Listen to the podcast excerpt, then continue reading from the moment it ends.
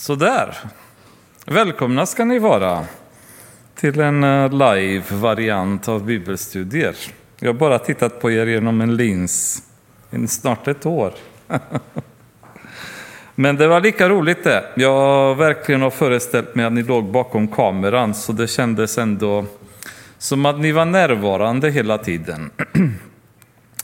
um, Idag så tänkte jag att vi fortsätter en liten bit så att vi avslutar, eh, förhoppningsvis avslutar Apostlagärningarna kapitel 2. Jag vet faktiskt inte om vi kommer göra det. Det är bara så mycket i de här verserna, men vi ska inte eh, vara för långsamma så att ni, eh, långsamma så att ni tappar tålamodet sen. Fader, jag bara ber att du ska vara med oss ikväll fylla verkligen mig med din heliga ande och låta orden komma från dig. Fylla varje hjärta som är här med din heliga ande och alla som lyssnar. Jag ber Herre att de här orden ska ge resultat i våra liv så att vi ser förändring och vi ser tillväxt på alla fronter, Herre, i vårt andliga liv. Herre Jesus, vi tackar dig för att du är församlingens huvud och jag ber dig ikväll, Herre, att du ska inta den platsen så ingen annan syns, ingen annan prisas, ingen annan uppmärksammas utom du, Herre. Jag tackar dig för de här verserna som vi har framför oss. Tack för att du lär oss så mycket ur Apostlagärningarna och jag ber att denna kväll ska vara en sådan kväll med mycket som ska fastna i våra sinnen. Ord som vi ska kunna sedan meditera och begrunda när vi går härifrån. I ditt underbara namn ber vi och Fader, vi ber att du ska lyssna till våra böner. Amen. Så förra gången så eh, avslutade vi kapitel 2 vid vers 41. Och idag så är tanken att vi ska eh, gå mellan vers 42 och 47. Om ni kommer ihåg då så hade under den del av kapitel 2 som vi pratade om, helige anden, utgjutits. Och eh, man kan säga att det blev församlingens uppkomst.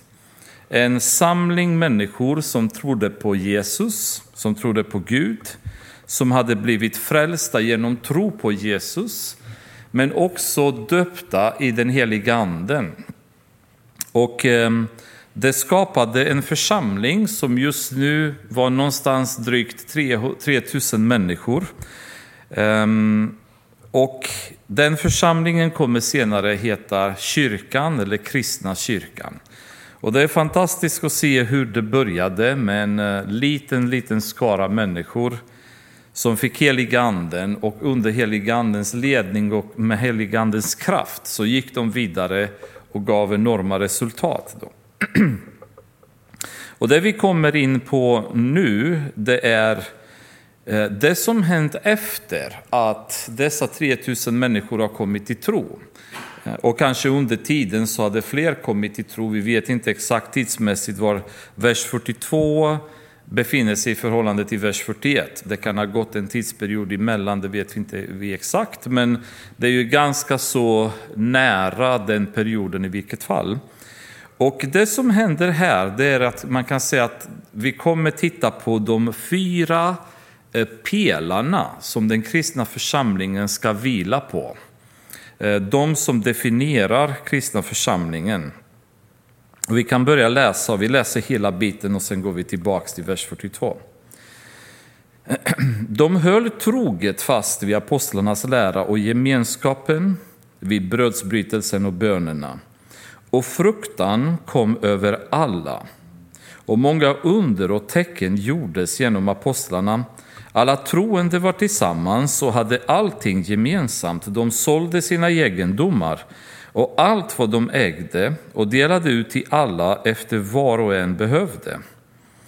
Efter vad var och en behövde. Varje dag var de endräktigt tillsammans i templet och i hemmen bröt de bröd och höll måltid med varandra i jublande innerlig glädje.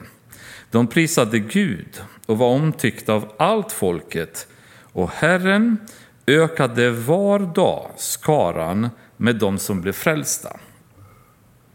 Ehm, när predikan, alltså för, för att en person ska komma till tro så måste man på något sätt höra evangeliet.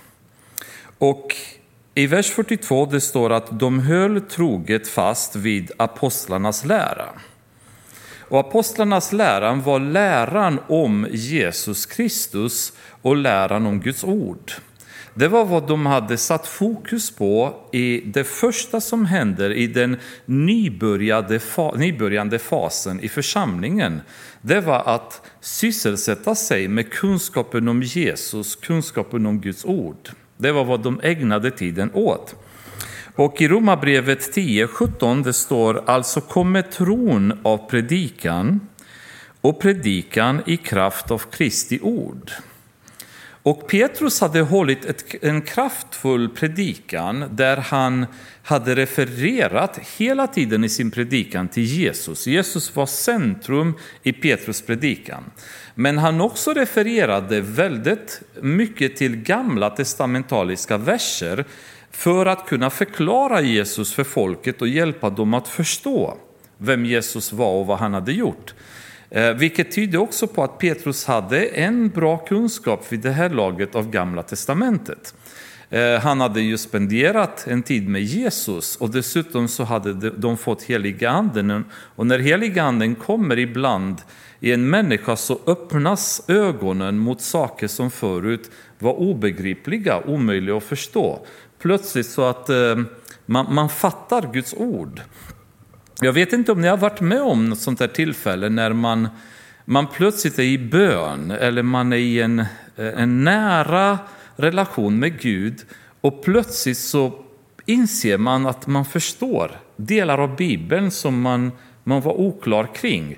Det är som att en, ett ljus tänds och så ser man plötsligt en stig igenom någonting som var obegripligt tidigare.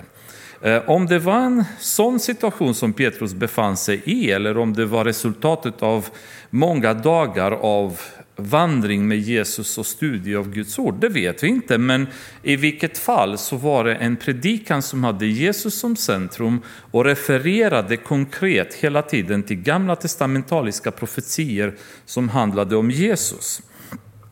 Och han, som resultat av detta, av ordet som han predikade, så kom folket till tro. Och de blev eh, så att säga, en skara som kanske väldigt få av oss vågar hoppas på i våra tider, där 3000 människor verkligen gav sitt liv till Gud. Och det är ju, eh, någon sa det förmodligen den enda evangelisationen någonsin där människorna som höjde handen faktiskt var frälsta. Annars så brukar evangelisterna ofta säga att 5000 människor blev frälsta, sen är bara var är de någonstans? Det är ingen som vet för de, de är borta. Ehm, så det var inte emotionella reaktioner på Petrus predika utan det var äkta frälsning. Där nöden över synderna de hade och längtan till en äkta omvändelse resulterade till att 3000 människor kom till tron. Och ett resultat av evangeliets predikan. Men vad händer nu? Dessa 3000 nu blev en grupp människor. Vi vet inte om alla var kvar, troligen inte eftersom vi vet att då fanns det judar från hela världen. Så jag kan tänka mig att en del hade åkt tillbaka till Elam och en del till eh, Libyen och andra till Turkiet och så vidare. De trakter där det stod att de kom ifrån. Men uppenbarligen så var det en stor skara kvar där i Jerusalem. Och ihop med dessa så höll de troget fast vid apostlarnas lära. Så efter att ha predikat evangeliet och ha fått människorna till tro så började nu apostlarna ta sig an de här troende människorna som har kommit och börja undervisa dem Guds ord, undervisa dem om Jesus och börja konsolidera deras tro. De börjar arbeta med dem. Så det är inte så att de har lämnats vind för våg när de har kommit till församlingen. Eh, det är inte så att de har bara haft en mötesvärd som har hälsat eh, hej och välkommen till eh, Pingstkyrkan Jerusalem när ni även har kommit. Varsågod, ta en sångbok. Eh, ni är med och sen tar ni en kaka därefter och sen ses vi nästa söndag.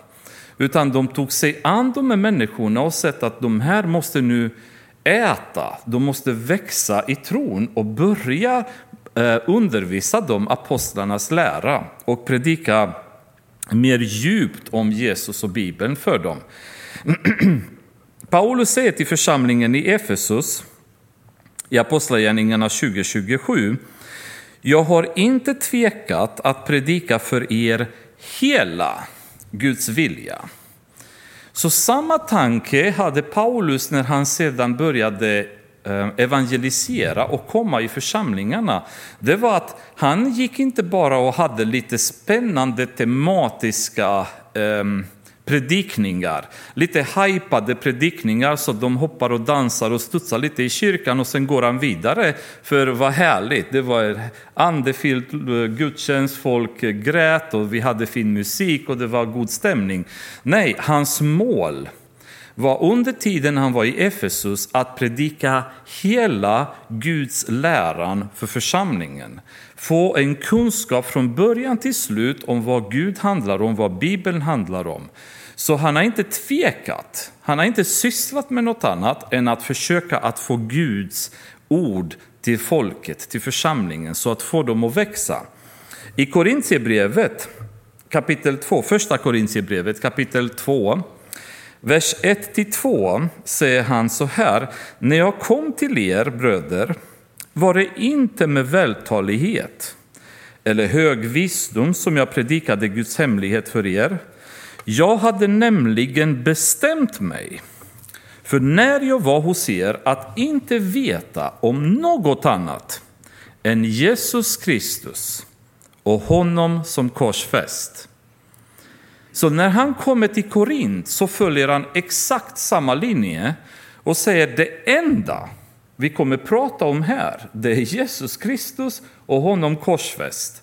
Jag kommer inte här med vältalighet, jag kommer inte här med smarta idéer, filosofier, egna påhitt, spännande teorier om saker och ting. Nej, jag vill bara predika en sak till er.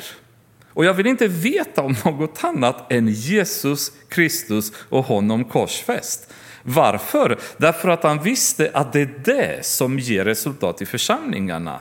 Det är Jesus som är församlingens huvud och det är på honom alla ögon ska fixeras och ingenting annat. Inte Paulus, inte hans egna smarta inlägg och hans visdom och hans vältalighet. Jesus och ingenting annat.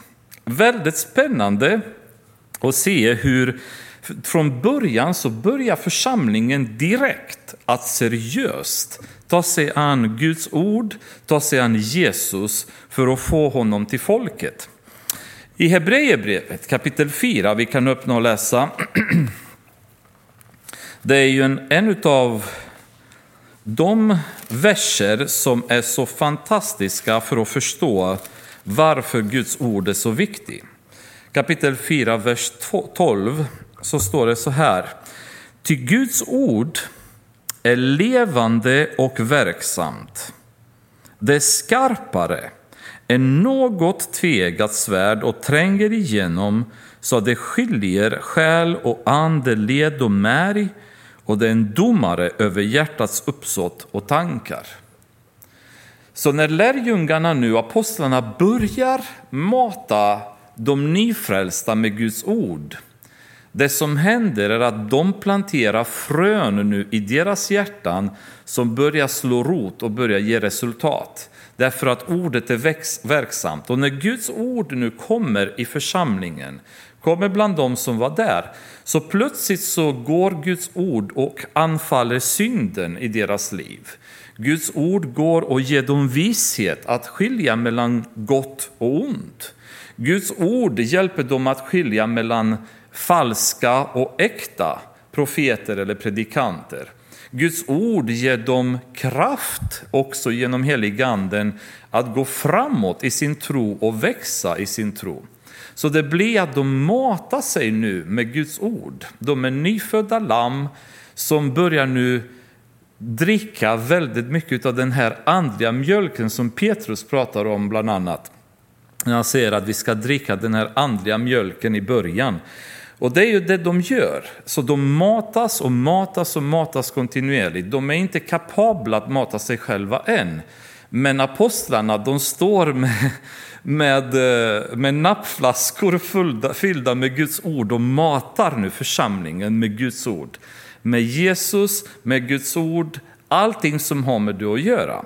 För att kunna få dem att växa. Så det finns ingen eh, ingen attityd av eh, ointresse eller att de lämnar dem bara där de är, utan nu vill de verkligen få dem att växa. Men nu är det så att Satan är fullständigt medveten om vilken effekt Guds ord har. För jag tror att ibland så många kristna fattar mindre hur effektivt Guds ord är än vad Satan fattar.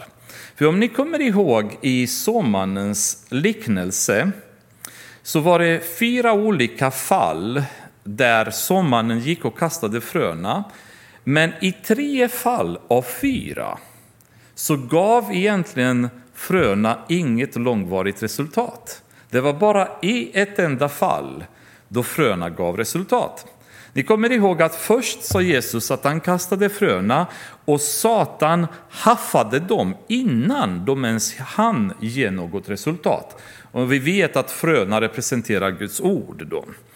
Och det Satan gjorde var att Guds ord han inte ens gå in i skallen på folk innan han haffade bort det. Har ni träffat på de här människorna någon gång?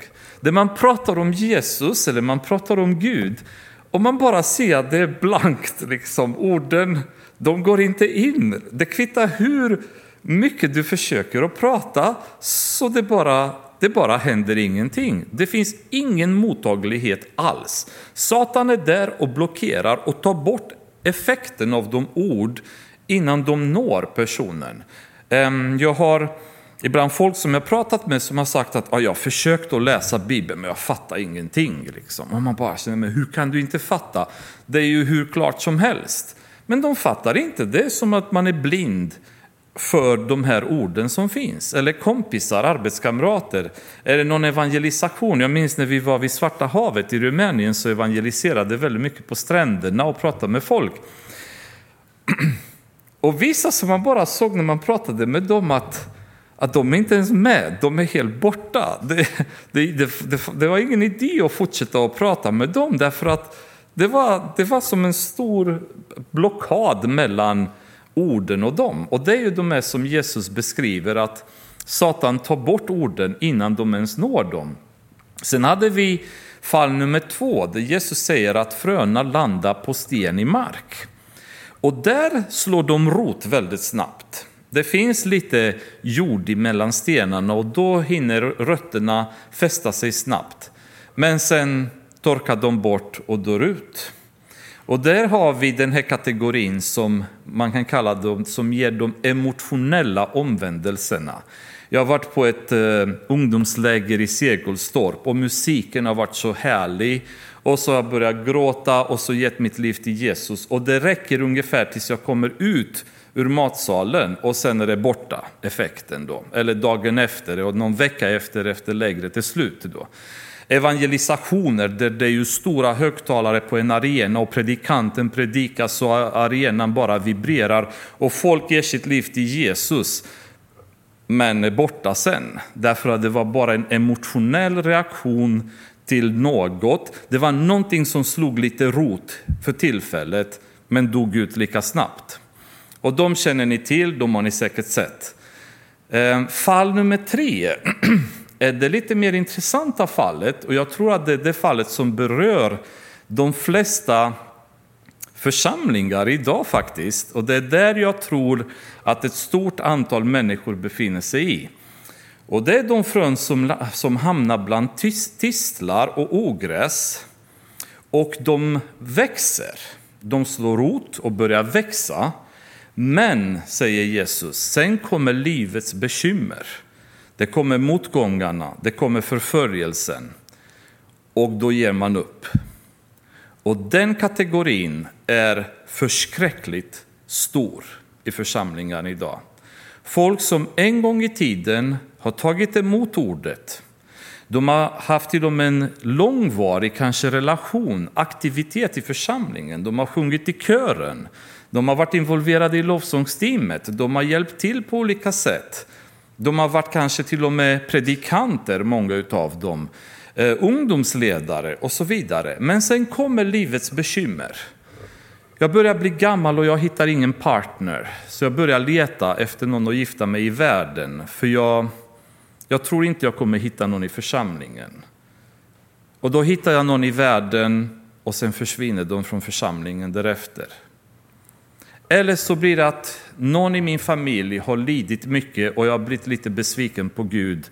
Att han inte har ställt upp när jag bad att han skulle göra det. Någon har haft det väldigt jobbigt och han har inte hjälpt till. Då är jag besviken på Gud, jag vänder honom ryggen. Eller så plötsligt så har jag börjat hitta ett annat jobb och börja göra karriär. Och det är väldigt spännande, så nu måste jag ägna väldigt mycket tid åt mitt nya jobb, eller min nya firma som jag startat.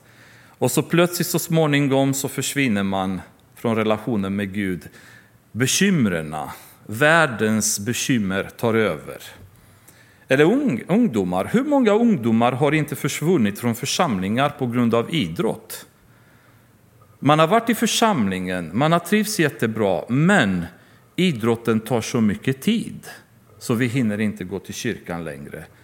Bekymren, motgångarna börjar trycka på. Eller rent av förföljelse. Många har gett upp på grund av ren förföljelse. När någon har blivit hotad med fängelse, med att du kommer förlora ditt jobb, eller vad som helst. Kompisarna vänder dig ryggen och vill inte ha med dig att göra. Och jag känner mig utfryst i skolan och jag tycker det är inte så jätteroligt. Så jag kanske behöver vara lite coolare och kunna vara ihop med dem och eh, pusha Gud lite mer åt sidan för tillfället åtminstone. Sen kanske tar jag upp relationen med honom senare i livet. Och det är där som en sån enorm mängd i församlingar idag ni säkert känner någon, ni har sett dem och de finns i mängder människor som när bekymren och motgångarna kommer havererar dem. Så det är bara ett enda fall av de fyra där Jesus säger att fröet hamnar i, gott, i god jord och det växer och det bär frukt sen. Men de andra tre fallen har djävulen försökt och lyckats att få bort resultatet eller effekten, effekten av Guds ord. Så skrämd är han över vad Guds ord kan åstadkomma i en människans liv. Så han gör allt han bara kan att förhindra att Guds ord når till människornas hjärta och växer. Därför att han vet vilken kraft det finns i Guds ord. Han vet hur verksamt Guds ord är. Och han vill i så fall, om ni ändå har kommit till kyrkan, om ni ändå lyckas besegra honom och ta er hit, åtminstone komma hit och sova i bänkarna och inte höra Guds ord. Eller åtminstone komma hit och tänka på något annat istället för att höra Guds ord. Så allt han bara kan för att få en kristen att inte höra Guds ord och ta till sig Guds ord så kommer han göra det. Och ni har säkert upplevt det själva, ni har säkert varit med vid tillfällen när man har suttit på ett helt möte och man går därifrån och säger vad handlade det om egentligen? Man var helt borta i skallen under en hel timme när man satt, eller två timmar. Det har hänt mig i alla fall kan jag erkänna. Så det finns ju hela tiden den här attacken mot oss att få bort Guds ords effekt från våra hjärtan. I andra Timoteusbrevet Eh, kan vi läsa, det är ju ytterligare en fantastisk vers som handlar om Guds ords kraft kan man väl säga. Andra Timoteus kapitel 3, vers 16 och 17. Då säger Paulus att hela skriften är utandad av Gud och nyttig till undervisning, till bestraffning, till upprättelse och till fostran i rättfärdighet, för att Guds människan ska bli fullt färdig, väl rustad för varje god gärning. Hela Guds ord är utandad av Gud. Så det är inte bara människor som har skrivit någonting här, utan Gud finns bakom varje ord som finns i den här boken. Och den boken har effekt att undervisa oss, att bestraffa oss, det vill säga att förklara för oss synden i våra liv så att vi kan ta tag i det. Det upprättar oss, det fostrar till rättfärdighet. Detta för att vi ska vara färdiga och välrustade för att kunna göra goda gärningar. För att göra som Jesus säger att ni ska inte bara vara hörare av mitt ord utan också görare. Det är ju det viktiga med Guds ord. Det leder oss in i en, en praktisk reaktion, det vill säga att vi börjar vilja göra det som står här. Ju längre tid vi spenderar i ordet, desto obekvämare blir vi om vi inte börjar göra det som står här. Det börjar gnaga på vårt samvete, det börjar skapa en oro i vårt hjärta över att vi inte lever så som det här ordet kräver att vi ska göra. Och då börjar vi komma till Gud och be honom om hjälp så att han hjälper oss att leva så som Guds ord kräver att vi ska göra.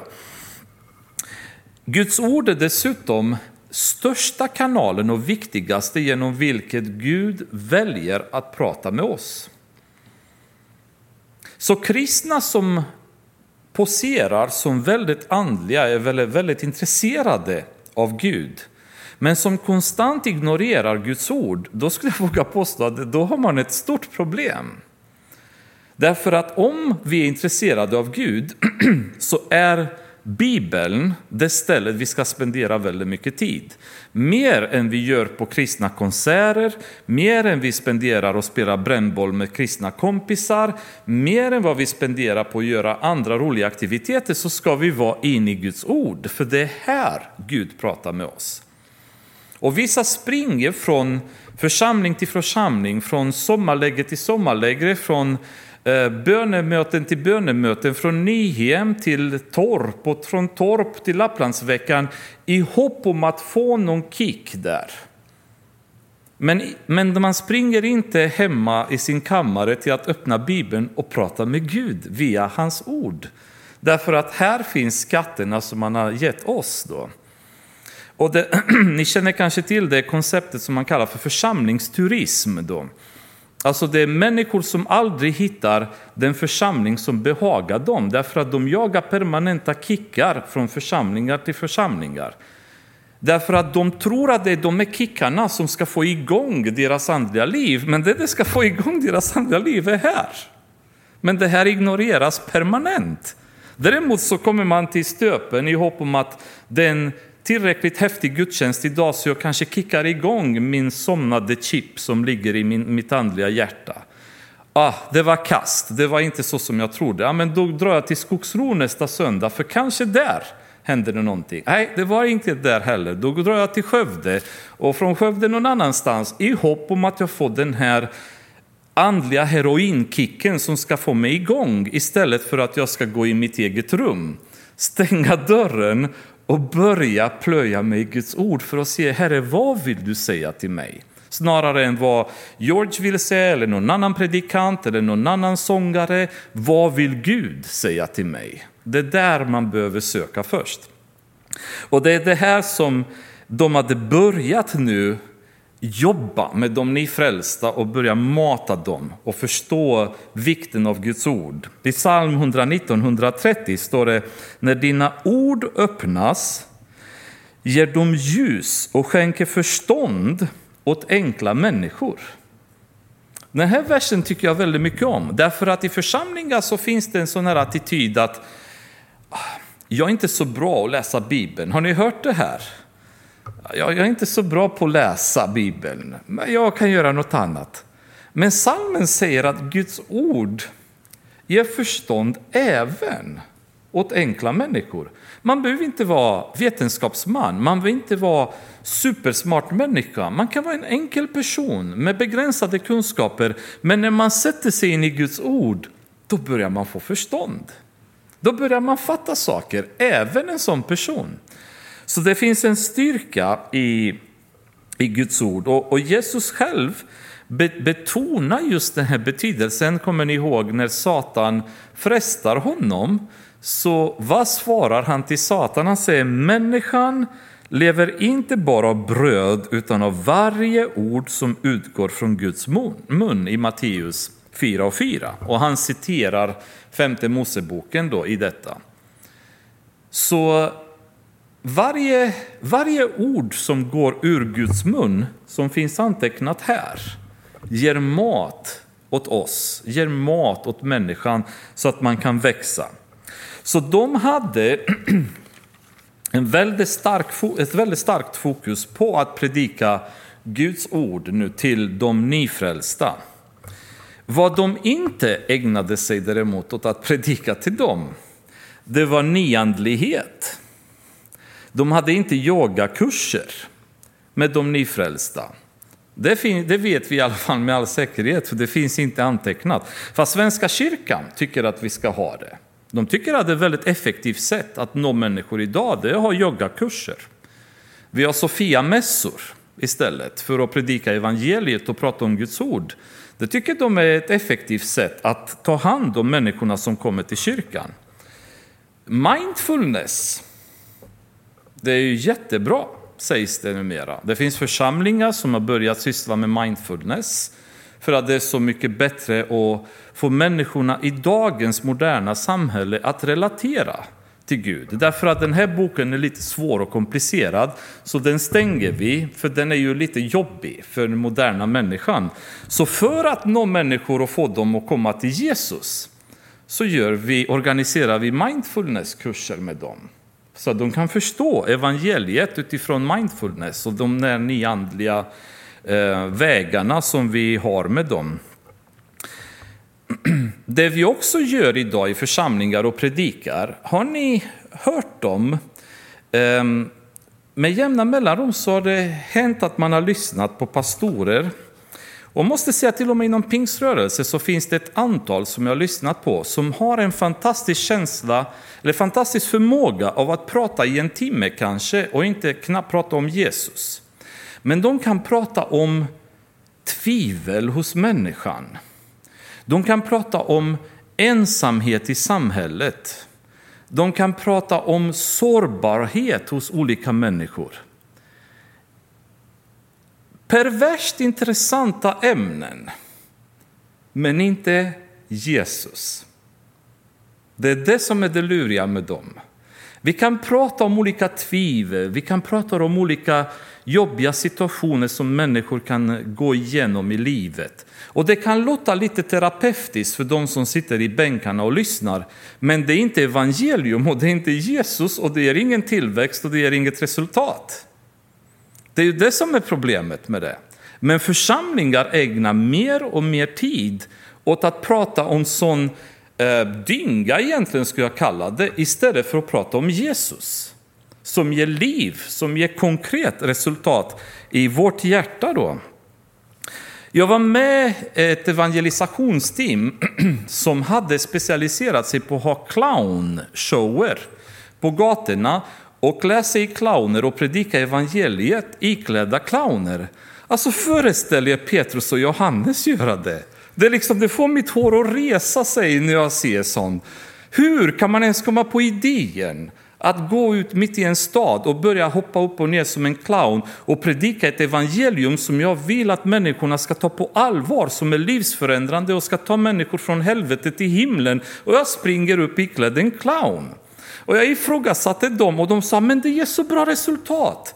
Människorna kommer till kyrkan. Ja, men kyrkan växer inte för de går nästa vecka bort från kyrkan när de har varit där en gång. Det är det som är problemet. Vi kan lura folk till kyrkan, men vi lurar inte dem till frälsning. Till frälsning måste de göra en äkta omvändelse och så ge sitt liv till Jesus på riktigt, inte bara komma till kyrkan och äta en kaka efter mötet. Det var vidriga grejer och det, det kvittar hur mycket man försökte förklara för dem att de måste låta bli det där. De var helt övertygade att de hade hittat nyckeln till att evangelisera världen. Då jag iklä sig clowner och springa runt omkring i städer. Man pratar om väder och vind i församlingar idag. Man kan sitta i predikostolen och prata om vad vackert väder det var idag och vad fint hur solen lyser genom ekens ehm, löv och syrenen doftade så gott när jag cyklade på väg till kyrkan. Och så tänker jag dra på i en kvart, 20 minuter och inte prata om Jesus. Hur många har ni inte hört sådana? som står och snackar allt möjligt från predikostolen, vackra saker, men inte Jesus. Och det är det som handlar om, det, det kan vara vackert, det kan vara trevligt, det kan vara poetiskt till och med, men det handlar inte om Jesus. Och det är honom vi ska predika, det är Guds ord vi ska ta fram i församlingarna. Men vi kanske kan predika mysticism. Det har blivit ganska populärt också hos en del predikanter idag att vara lite mystiker. De relaterar till abstrakta saker och pratar om både det ena och det andra utan att någon i församlingen ens begriper vad de pratar om. Det har börjat sprida sig även den trenden. Um, men det finns dock eh, några andra roliga grejer som kristna predikanter har anammat de senaste åren. Kan man säga exploderade någon gång på slutet av 70-talet och fortsatte därefter. Och det är den underbara framgångsteologin. Och om vi pratar om pengar i församlingen och hur rik du kan bli om du blir frälst och hur mycket Gud kommer välsigna dig med hälsa och med pengar bara du gör ett antal moment genom eh, din, din relation med Gud. Då borde vi kunna locka folk till kyrkan och då borde vi hålla dem kvar i kyrkan för de blir kvar, för de blir rika om de blir kvar. Då får de fina bilar, då får de fina hus, då får de fina skor. Och då kan vi ha stora och fina församlingar fyllda med ofrälsta människor på väg till helvetet. Men de åker dit i Mercedes, de åker dit i en Lamborghini, de åker dit med fina kläder, de åker dit i ett flygplan, kanske privatjet. Men dit åker de därför att de har inte blivit frälsta. Och det är ju också en, en, en hädelse som numera sprids i församlingar och har till och med kommit in i Sverige under ett antal år, i alla fall sedan 90-talet som jag har varit här, så har det liksom härjat i vissa församlingar.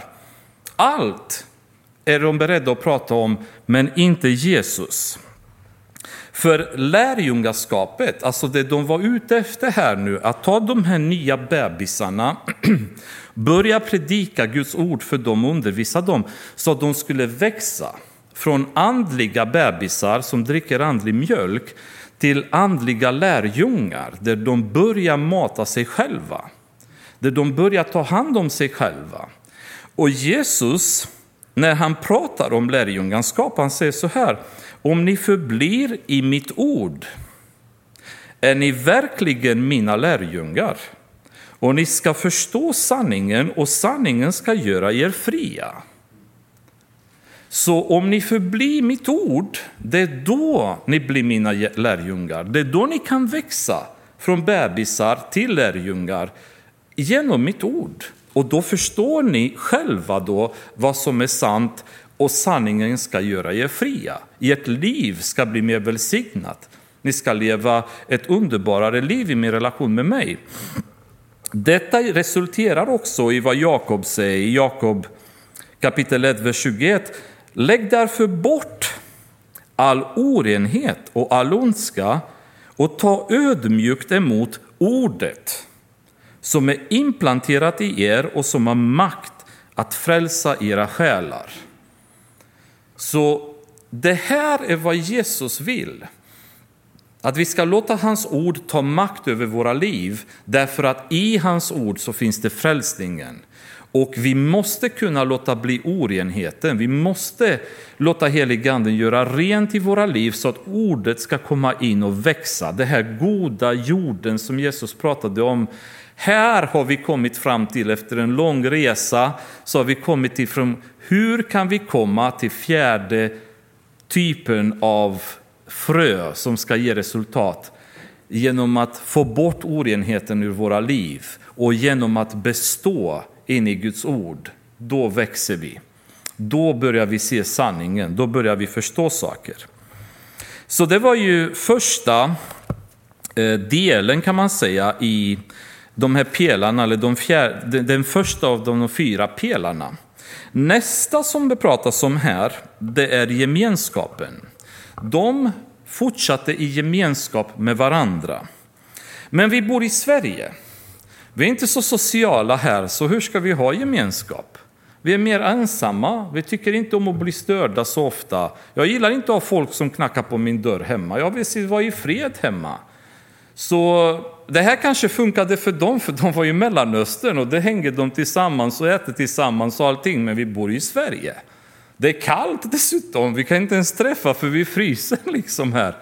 Ni förstår hur många ursäkter vi kan komma med om vi vill undvika att ha gemenskap med varandra. Dessutom så är det flera i församlingen som är riktigt jobbiga. Ska jag umgås med dem? Vad ska jag prata med dem om överhuvudtaget? Hur ska vi ens kunna ha något gemensamt att diskutera om? Och jag bara retar mig på dem dessutom. Så hur kan jag ha gemenskap med de människorna? Och de är väldigt otrevliga dessutom. Ni förstår problemet. Ändå så hade de troget, står det här i vers 42, gemenskap med varandra. Och de var från alla möjliga nationaliteter och de var från alla möjliga bakgrunder. Men i Jesus blev de ett.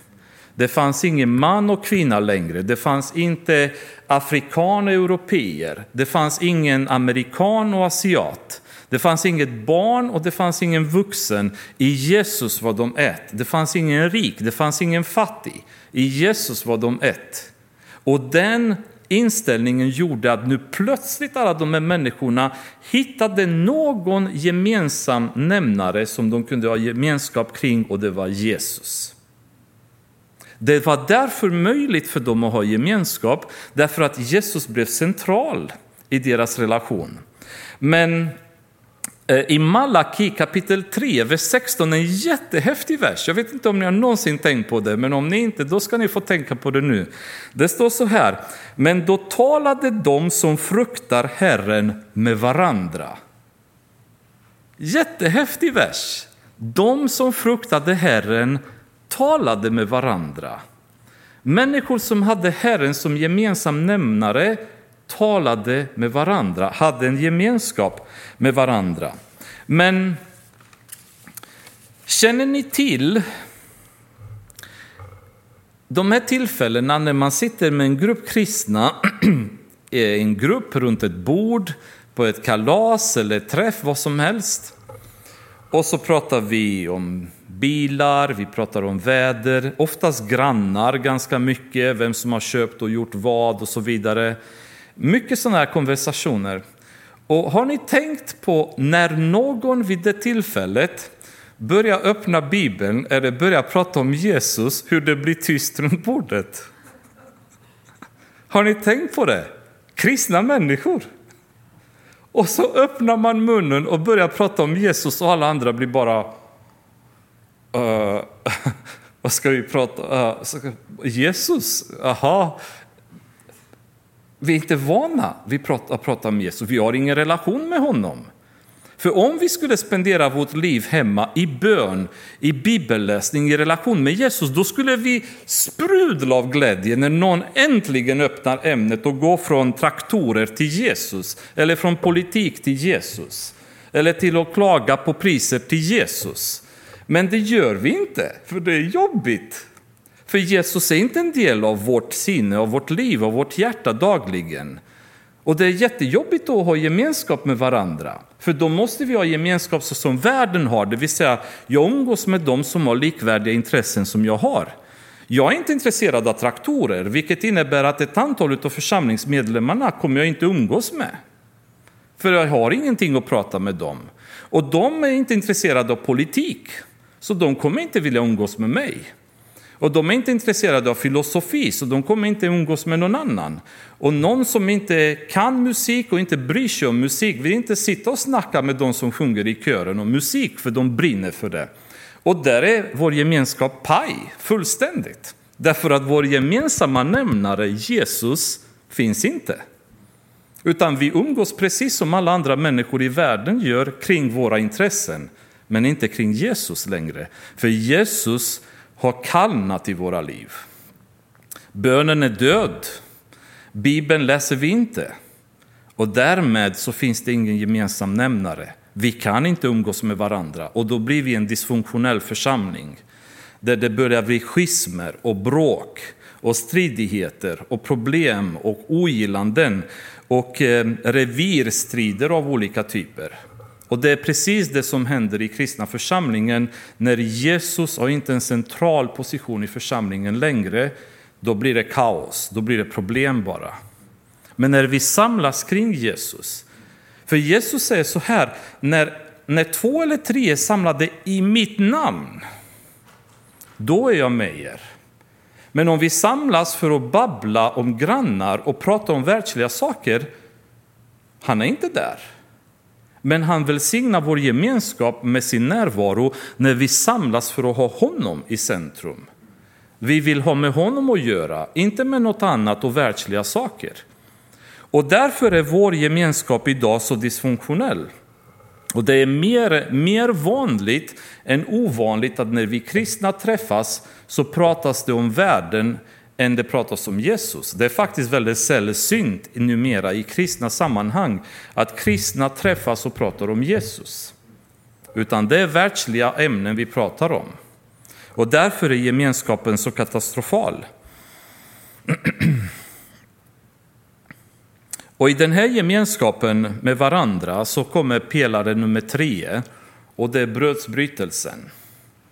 Det är ju nattvarden som vi kallar det och i det på den tiden så var det inte bara att de gick fram och tog en oblat och sen tog lite vin. Utan då var det en, en måltid tillsammans.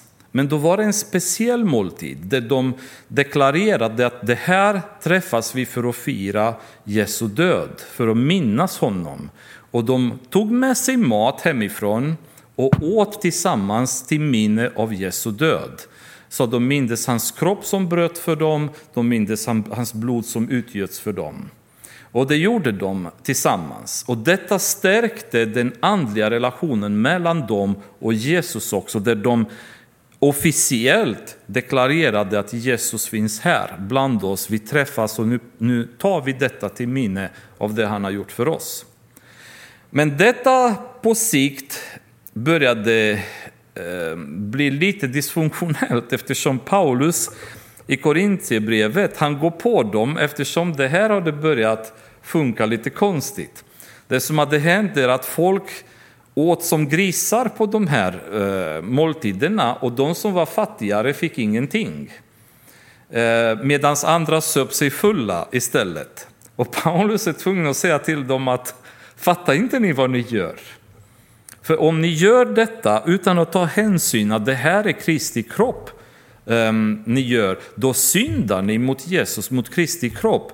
Um, så det här är inte att leka med. Och han säger en del av er har somnat på grund av detta, det vill säga dött förmodligen på grund av det. Så det var ett, all, ett allvar som fick råda i församlingen när de träffades kring brödsbrytelsen. Men det var en, en, um, en pelare som från början instaurerades därför att Jesus själv sa varenda gång ni gör detta så ska ni göra det till minne av mig. Han ville att vi skulle minnas det han har gjort. Och därför måste vi idag fortsätta med nattvarden. Men nattvarden är inte för vem som helst. Därför att Paulus säger att ni kan inte ta nattvard med varandra eller brödsbrytelsen om ni har stridigheter med varandra. Så hur många av oss har konflikter med varandra i församlingen men går och äter brödet och dricker vinet? Istället för att gå som Jesus sa, lämna din gåva till altare, gå och be din broder om förlåtelse, sen kan du komma tillbaka. Hur många av oss inte löser de här problemen innan? Kanske har bråkat med frun eller mannen hemma innan vi har kommit på mötet eller dagen innan.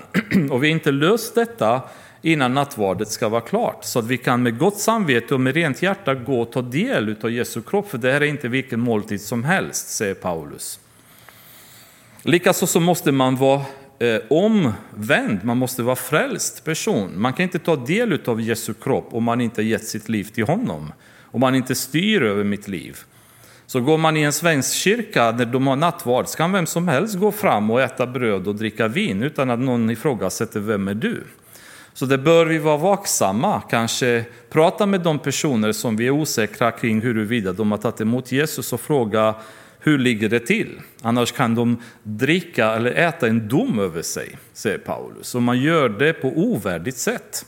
Så det är en ganska allvarlig del av de här tre pelarna där det blir en, en andlig dimension av det i och med att Jesu kropp och Jesu blod kan hånas genom att vi gör det på felaktigt sätt. Det kan man inte göra, uppenbarligen.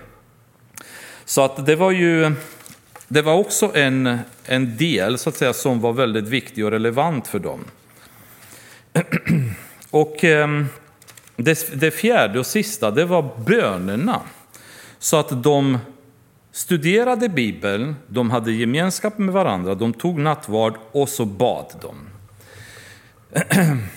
Och man kan säga att, eh, jag tänker inte gå jätte på djupet i bön eftersom det kan ta flera bibelstudier, men en intressant grej som jag har tänkt på att vi bör ha i åtanke är att eh, vi vet ju alla att bönen har blivit askungen i församlingarna. Det är, folk försöker allt möjligt för att inte komma till bönen. Varför har det blivit så? Därför att på, någonstans på vägen så har vi inte förstått vikten av bön. Billy Graham, när han tillfrågades en gång om du skulle göra någonting annorlunda utav det du har gjort i ditt liv, vad skulle du göra? Då, då sa han, då skulle jag ägna mer tid åt bönen än jag gjort. Det var den delen av sitt liv där han kände att det hade behövts mer än jag hade ägnat tid åt. Um, varför är det så viktigt för oss att be? Det, första är att, att Jesus har sagt att vi ska göra det. Han sa be ständigt. Och om han som Gud säger till oss att be, då vet han mycket väl varför. Men ännu mer intressant och kanske ännu djupare anledning är att Jesus själv gjorde det. Varför behövde Jesus be, han som var Gud? Om han kände så stort behov av bön själv, då måste det vara så att bönen har en enorm vikt och effekt i vår, vårt liv. Om ni kommer ihåg så hade Jesus vid ett tillfälle dragit med lärjungarna ut i ödemarken på andra sidan Galileiska sjön för att komma undan skarorna människor som hela tiden trängde honom. Men de, de såg var han tagit vägen och sprang runt hela sjön för att komma och ändå hitta honom, vilket de gjorde. Och det var en skara på 5000 människor som Jesus sen tjänade för. Och sen efter ett tag framåt kvällen då kände han att de här människorna är hungriga. Och ni känner ju till eh, hur han eh, förökade maten, så han matade de här 5000 människorna som var män. Så med kvinnor och barn så uppskattar man någonstans kanske runt 15 000 människor totalt att det rörde sig om. Då. Otroligt ansträngd dag, redan för en trött Jesus som hade sökt sig ifrån människorna för att återhämta sig. De hittar honom, han har ytterligare en jättelång dag med att predika för dem och mata dem och sen samlar lärjungarna samlar alla korgarna med rester och så vidare. Och när kvällen kommer, då säger han till lärjungarna, ehm, ni kan åka över till Betsaida. Och han stannar kvar. Nu är han väldigt, väldigt trött. Så vad skulle vi ha gjort i hans ställe? Jo, vi gått och lagt oss, sovit, slappat, druckit en kopp kaffe, fötterna på bordet på altanen kanske för att återhämta oss lite grann. Men vad Jesus gör, när han var som mest eh, så att säga slut fysiskt, så går han på berget och ber.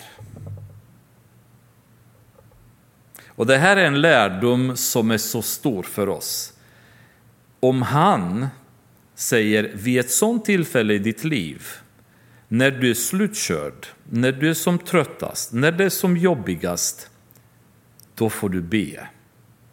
Där, det är det du ska göra. Det är där du ska söka hjälp från Gud. Det är viktigare än sömn. Det är viktigare än allt annat, det är att söka Gud i bön. För bönen kommer ha effekt. Bönen är som syrgasen för den kristna. Vi kan inte leva, vi kan inte andas utan bön. Och det är därför väldigt många kristna dör, därför att de ber inte. De ber inte hemma, de ber inte i församlingen, de ber inte med andra människor. Man dör. Det går inte att överleva andligt om man inte ber. Och Jesus visste det här mycket väl, att bönen gav en sån kraft. I, bön etablerar vi den här relationen med Gud som han initierade i Edens lustgård. när vi kunde ha gått tillsammans med honom, vi kunde ha pratat med honom, vi kunde ha umgåtts med honom på hans villkor. Det gör vi när vi kommer i bön. Det är då också den anden nu som vi får i oss börjar också kommunicera med Gud. När vi tar den här tiden med honom. Och det är så nödvändigt att vi gör det. Och det, är de här fyra grejerna, de gjorde hur? Påsk och jul, var och varannan söndag när de hade lust, lust troget. De gjorde det troget. De gav inte upp. När det var jobbigt så sa de inte bara ah, jag känner att det här har jag gjort så länge, det måste någon annan göra. Det är en sån klassiker som många säger. Att jag har gjort det för länge, nu måste någon annan göra det. Jag orkar inte mer. Håller på att gå in i väggen förresten. Nej, de gjorde det troget. Det gjordes med heligandens kraft. För allting vi ser nu, det är en församling som är styrd av anden. Inte av människor, inte genom människostyrka utan genom helige andens kraft. Och de troende, nej och fruktan kom över alla, står det. Och många under och tecken gjordes genom apostlarna. Alla troende var tillsammans och hade allting gemensamt. De sålde sina egendomar och allt vad de ägde och delade ut till alla efter var och en behövde. Det är resultatet av en fungerande gemenskap.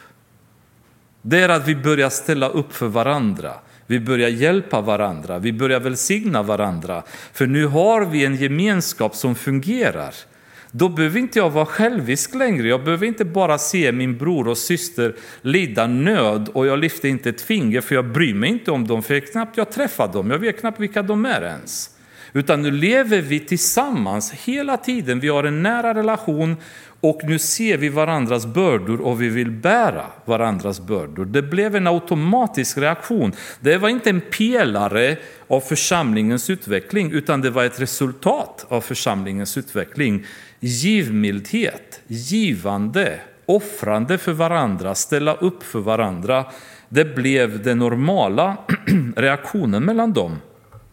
Och varje dag, inte på söndag, inte bara på fredag när man har ungdomssamling, utan varje dag var de endräktigt, det vill säga alla, tillsammans i templet och i hemmen bröt de bröd och höll måltid med varandra i jublande innerlig glädje. Och vad jag skulle vilja se det här i vår församling igen.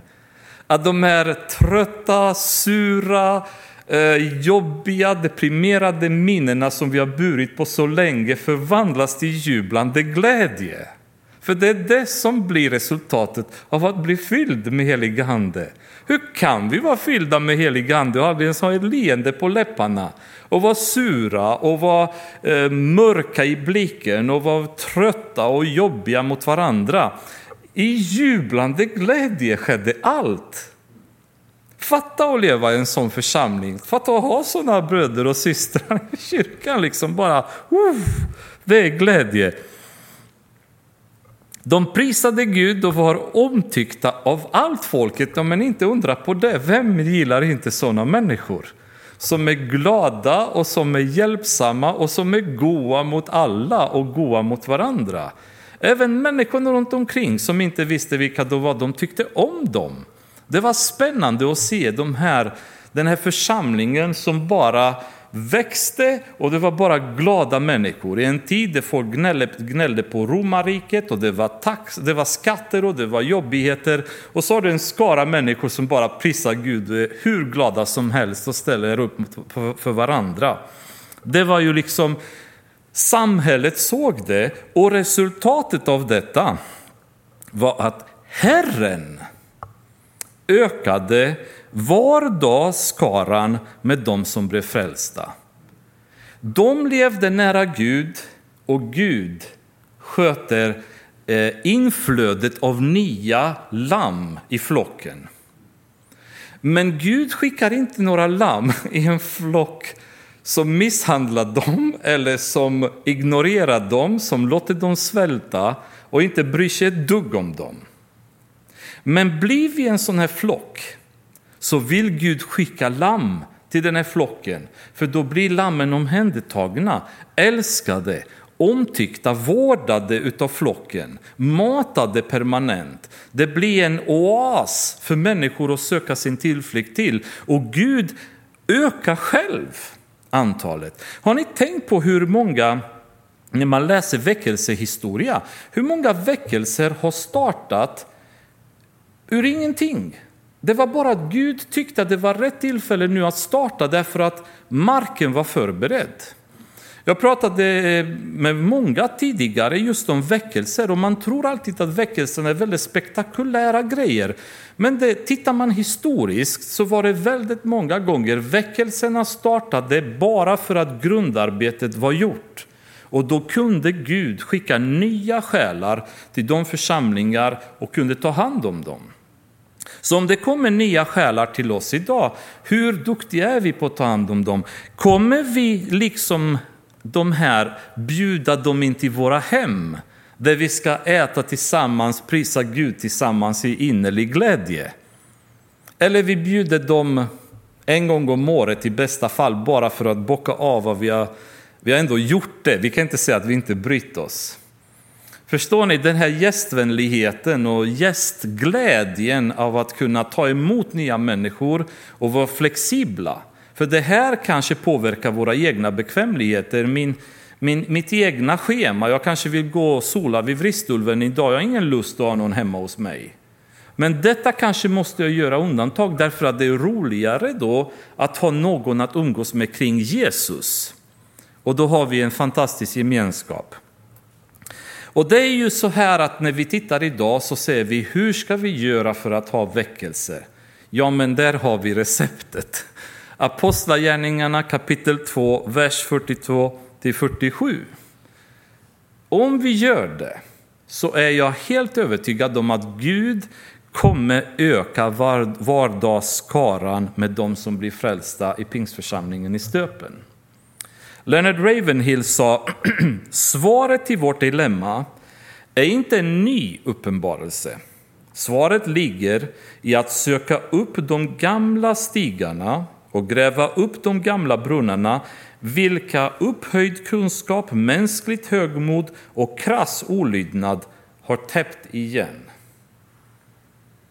Och det var väldigt rätt sagt, tycker jag. Vi har täppt igen de med brunnarna av levande vatten som Gud har gett oss. Där har vi satt vårt egna kunskap, vårt högmod, vårt, vår olydnad. Och vi vill hitta på nya häftiga sätt att få människor att komma till Jesus. Men det är fel. Det vi behöver göra det är att gå tillbaka, upptäcka de här stigarna, ta bort all jord som vi har täppt igen brunnarna med och låta det här levande vattnet springa upp igen och ge resultat i våra liv. Det är också Leonard Ravenhill som sa att 120 människor som var berörda av helige anden och fyllda av honom har vänt upp och ner på en hel stad. Och idag så har vi städer med 120 församlingar som påstår sig ha har haft samma andliga upplevelse med en utgjutning av heliga anden och människorna i städerna vet inte ens vilka de är. Så vilken typ av andefyllning och andeutgjutning upplever församlingarna idag? Om det inte ger något resultat, om inga människor kommer till tro. Men vi säger att vi har också fått heliganden, vi är också heligandefyllda, men är vi? För dessa 120 människor vände upp och ner på en stad. De var analfabeter, de var olärda, de hade inga pengar, de hade inga tillgångar. Men de hade livet fullt av heliganden och vände upp och ner på Jerusalem.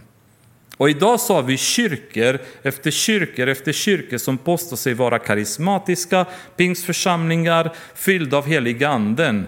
Och då man går in där och så döden bara luktar i församlingar och människorna utanför har inte ens aning att de finns. Men vi ser att vi är fyllda av helig anden.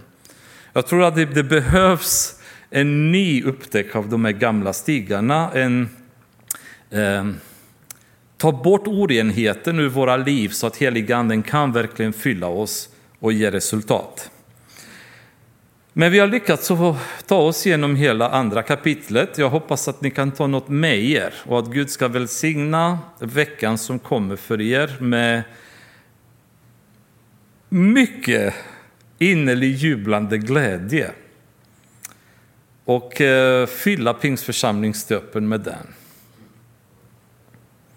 Fader, vi tackar dig för detta och det är vår bön i avslutning för, för vår församling. Att du ska hjälpa oss, Herre, att hitta de här gamla brunnarna och kunna öppna upp dem på nytt och kunna låta dig, heligande, bara krossa allt som är mänskligt i våra liv. Så att vi kan på nytt hitta glädjen av att umgås med dig. Ge oss ehm, en god tanke kring gemenskap och kärlek för varandra och kärlek för dig. Kärlek för människorna runt omkring. I Jesu namn ber vi. Amen.